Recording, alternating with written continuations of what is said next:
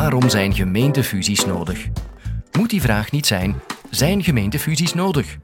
Volgens politoloog Johan Akkaert niet. Voor hem staat het als een paal boven water dat dorpen van duizend inwoners niet deftig kunnen besturen. Ze kunnen hun best doen, maar professioneel zal het niet zijn. Dit is de Universiteit van Vlaanderen.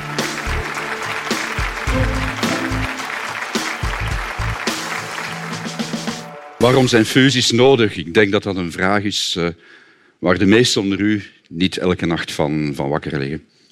Maar ik ga u toch proberen in die, in die 15 minuten aan te tonen dat, dat de problematiek die, die eronder schuilt u toch wel dichter op de huid kruipt dan u misschien zou kunnen vermoeden. Heel even een korte, een korte rondvraag. Wie, wie van u praat er thuis met de familie, op de trein, met de collega's, nu het dan is over een lokaal probleem, een probleem in uw omgeving, in uw dorp, weet ik het. Wie doet dat? Maar ik vraag handen hoog in de lucht. Ja, heel even houden, sorry voor de armspieren, toch mensen. Ja? Dus van degenen die nu de handen in de lucht houden, nog altijd houden, meneer, de vraag van, eh, is u, heeft u de voorbije zes maanden een gemeenteraadszitting bijgewoond? Wie houdt nu nog een vinger in de lucht? Eén iemand. Mooi, dat is de enige toch? Tweede vraag aan u. U, houdt u praat thuis over problemen in, in uw buurt. U volgt de gemeenteraad. Heeft u het gevoel dat de gemeente die problemen opneemt? Nee. Dat is de kern van mijn vraag. Ik ben u zeer dankbaar voor dat, uh, voor dat antwoord. En daar gaat het eigenlijk over. Kunnen gemeenten aan wat gevraagd wordt van hen? Wat leeft onder inwoners? Een kleine anekdote. Ik ga een paar decennia terug in mijn, uh, in mijn leven. Ik heb toen een, uh, een bijna 200 uh, burgemeesters geïnterviewd voor mijn, voor mijn proefschrift. Ik herinner mij één geval in de Westhoek. En het ging een kleine landelijke gemeente. De meeste burgemeesters bezocht ik in hun stadhuis of in hun gemeentehuis. Sommigen die cumuleren in het parlement, anderen bij hen thuis. Dat was daar het uh, geval. Ik belde aan, kwam niet meteen open doen. Uh, ik ging stiekem gluren. Ik zag een oude mens uit zijn zetel schuifelen, pantoffels aantrekken, op de deur naar mij binnen en troonde mij naar zijn tot uh, kantoor verbouwde achterkeuken waar de koffie nog stond te pruttelen. Wat mij opviel was niet die koffie, maar wel het tafelblad, bezaaid met knipsels uit het Belgische staatsblad en centraal op die tafel één grote lijmpot met dito borstel. Die burgemeester knipte zorgvuldig alles uit het staatsblad wat met het gemeente te maken had om het dan in te kleven en te klasseren. Dat was zijn, dat was zijn rolopvatting. Wat is besturen? Besturen is wetten, reglementen, decreten en aanverwanten uitvoeren. Een paar maanden later trad de ijzer uit haar oevers, raakte die gemeente overstroomd. De burgemeester had niet de middelen om in te grijpen en evenmin zag hij het aankomen. Dat is geval één. Tweede geval was een burgemeester in een van onze centrumsteden, ontving mij in een modern uitgerust stadhuis. Ja. Clean desk, blinkend clean desk, met daarop enkel zijn, zijn pc, telefoon en een asbak. Toen mocht dat nog. Ja. En toen ik hem de vraag stelde hoe hij de bestuurlijke realiteit volgde, dan zei hij, ik heb daar ambtenaren voor. Het staatsblad raak ik nooit aan. Ik heb ambtenaren die ontwikkelingen in de juridische context volgen en mij op tijd ook attenderen wanneer er veranderingen zijn die weerslag zullen hebben op mijn, op mijn, op mijn stad. Mijn rol, zei die burgemeester, is nadenken, anticiperen op de toekomst, proberen in te schatten wat leeft, wat verandert er in een plaatselijke gemeenschap, maar ook kijken wat veel breder op ons afkomt en ons bevragen wat we daarmee moeten, moeten aanvangen. Twee totaal verschillende rolopvattingen over wat, over wat besturen is. Maar centraal bij elk van die twee verschillende invullingen moeten we de vraag stellen van kunnen gemeenten het aan? Kunnen gemeenten het vandaag nog aan om gewoon regels, wetten en zo verder uit te voeren? En twee, zijn ze toegerust om veranderingen die op hen afkomen, om die op te nemen in een moderne beleidsvoering? En ik ga terug naar die burgemeester met die lijmpot van daar, van daar even. Zijn rol was uitvoeren, reglementen toepassen. En we moeten even nadenken van hoe het volume regels geëvolueerd is doorheen de jaren. Regels zijn spectaculair toegenomen. Als we terug gaan kijken naar, het, naar de allereerste gemeentewet in België, 1836, toch eventjes achter ons, ja, vergelijken met wat vandaag bestaat, het decreet lokaal en provinciaal bestuur, dan zien we dat het volume artikelen verviervoudigd is. En dan spreek ik enkel nog maar over wat men met een moeilijk woord noemt de organieke wetgeving. Dat betekent de regelgeving op de werking van het bestuur, samenstelling van de organen, het beheer van de middelen enzovoort. Daarnaast, daarnaast zijn vanuit andere sectoren pakken regels afgekomen. Denk bijvoorbeeld ook aan alle regels die te maken hebben met huisvesting, ruimtelijke ordening, bouwen, verbouwen en, en zo verder. En de vraag die je dan moet stellen van hoe nemen gemeenten dat, hoe nemen gemeenten dat op? Slagen ze erin om al die regels op een soepele manier te gaan implementeren in hun eigen huishouden? We hebben die vraag voorgelegd aan gemeentesecretarissen. Zoals u weet, de hoogste ambtenaar in een, in een gemeente. Binnenkort verandert die naam in algemene directeur. We hebben die vraag voorgelegd van hoe gaat u om met het opnemen, met het uitwerken, uitvoeren van, van die regelsystemen. En de vraag stelt, gaat u daar, staat u daar negatief, positief of eerder neutraal tegenover?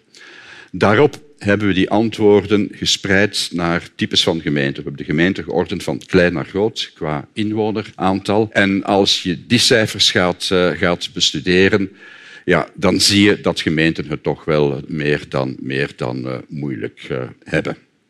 Dat is één.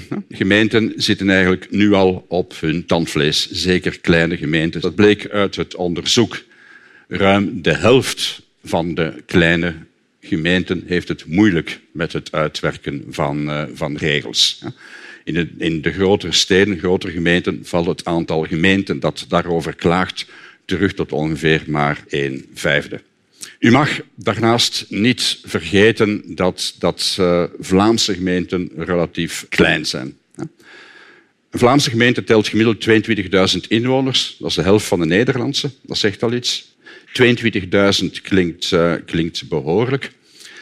Maar als u, als u nadenkt over het uh, drama van die statisticus die, die verzoop in een beek die gemiddeld 10 centimeter diep was, dan weet u dat er rond dat gemiddelde heel wat extreme afwijkingen schuilen.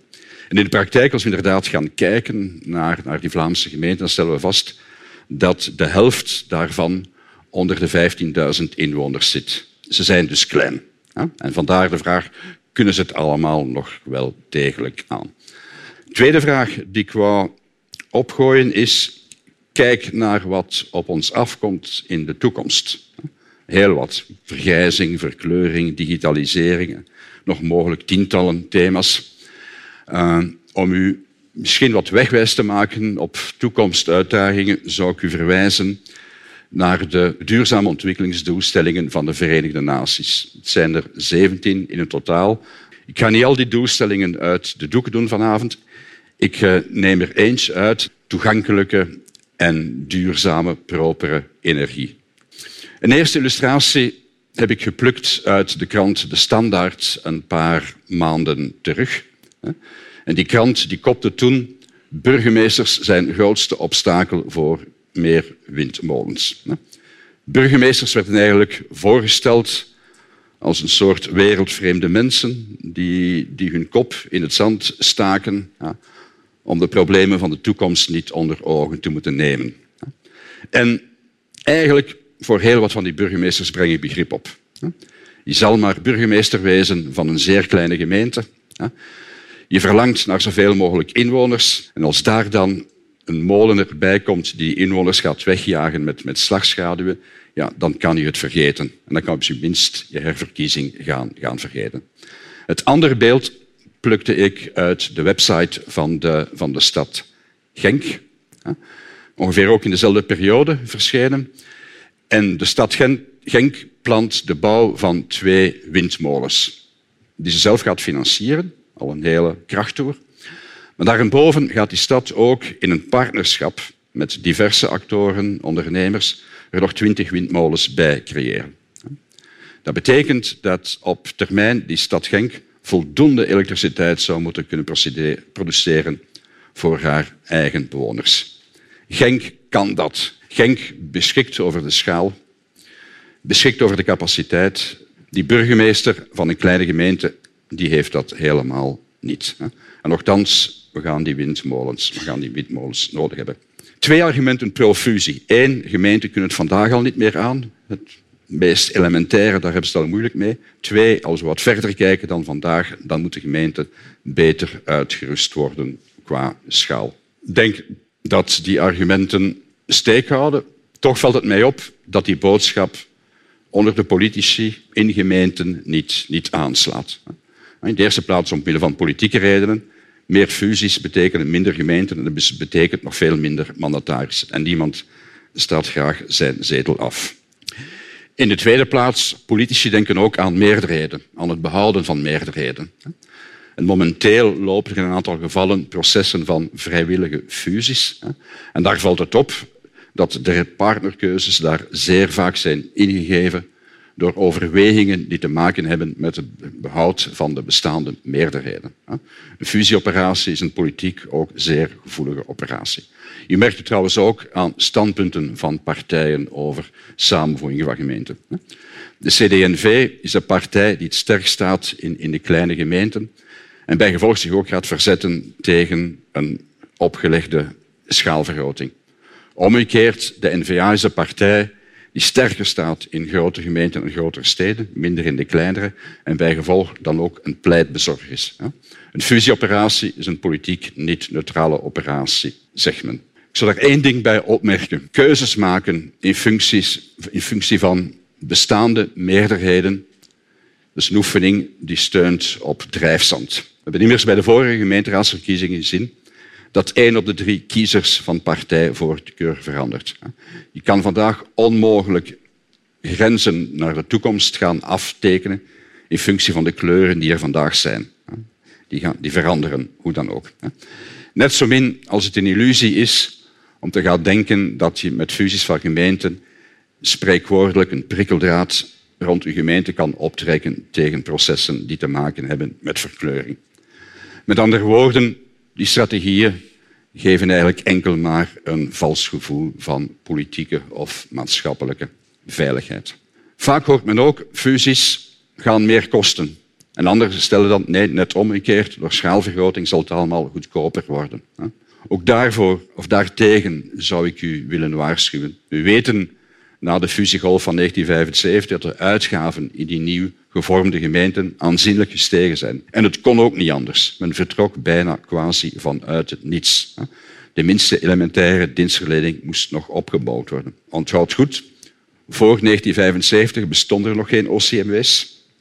Voor 1975 bestonden er ook nog geen gemeentelijke bibliotheken. Een fusie mag je niet opvatten als een besparingsoperatie, maar wel als een investering. En dat is toen gebleken ook, na 1975, met de opbouw van onze OCMW's en onze bibliotheken. Een ander argument, wat politici vaak aanhalen, is fusies zullen de eigenheid, de identiteit van wijken, van, van gemeenten aantasten. Of ze zullen de afstand tussen bestuur en bestuurde verhogen. Je kunt je afvragen, is dat ook moderne dienstverlening? Is dat eigenlijk nog klantgerichtheid van, van deze tijd? Fusies hoeven geen drempel op te gooien tussen bestuur en, en bestuurder. Evenmin alsof fusies de lokale democratie zouden, zouden ondermijnen. Zeker als je de lokale democratie of dat begrip een moderne, nieuwe inkleuring geeft. En ik grijp, om dat wat toe te lichten, terug naar die allerlaatste doelstelling van de Verenigde Naties, partnerschappen opbouwen. De filosofie achter die doelstelling is dat overheden, landen, regio's, gemeenten, steden de problemen zelf niet meer aankunnen, maar dat we eigenlijk allianties moeten vormen met de meest uiteenlopende actoren om die uitdagingen het hoofd te bieden. in de praktijk neem ik het voorbeeld van de stad Leuven met de campagne Leuven Switcht. Het is een campagne die beoogt in het kader van die duurzaamheidsdoelstellingen om ervoor te zorgen dat Leuven in 2030 enkel nog maar groene elektriciteit zal gebeuren. De stad Leuven heeft meer dan 100.000 inwoners, recent. En toch, die stad kan dat niet alleen aan. Men weet dat men die beweging onmogelijk met een stadsbestuur kan maken, maar heeft een breed bondgenootschap opgezet met hogescholen, met universiteiten, met het bedrijfsleven, met het middenveld, met groepen van geëngageerde burgers en, enzovoort. Om die boodschap daadwerkelijk te laten inwerken in, in alle uithoeken van de, van de stad. En dat is de moderne invulling van lokale democratie. Je moet niet vragen van wat gebeurt er eigenlijk in dat stadhuis. Je moet eigenlijk vragen van hoe zorgen we ervoor dat men een volledige plaatselijke gemeenschap in beweging kan krijgen. Dat is in mijn ogen naar de toekomst het hart van, van de lokale democratie. Maar een hart om goed te pompen heeft een gezond lichaam nodig. Hetzelfde geldt voor, voor gemeenten. Als je lokale democratie impulsen wilt geven, dan vereist dat een grotere schaal. Met andere woorden, als men mij vraagt waarom zijn fusies nodig, dan gaat het in de eerste plaats om zuurstof toe te dienen aan de lokale democratie. Goed bestuur. Eigenlijk willen we dat allemaal. Ook de middeleeuwers wilden trouwens niets liever. Jelle Hamers gaf hierover een college. Leidt Schelde tot een beter bestuur.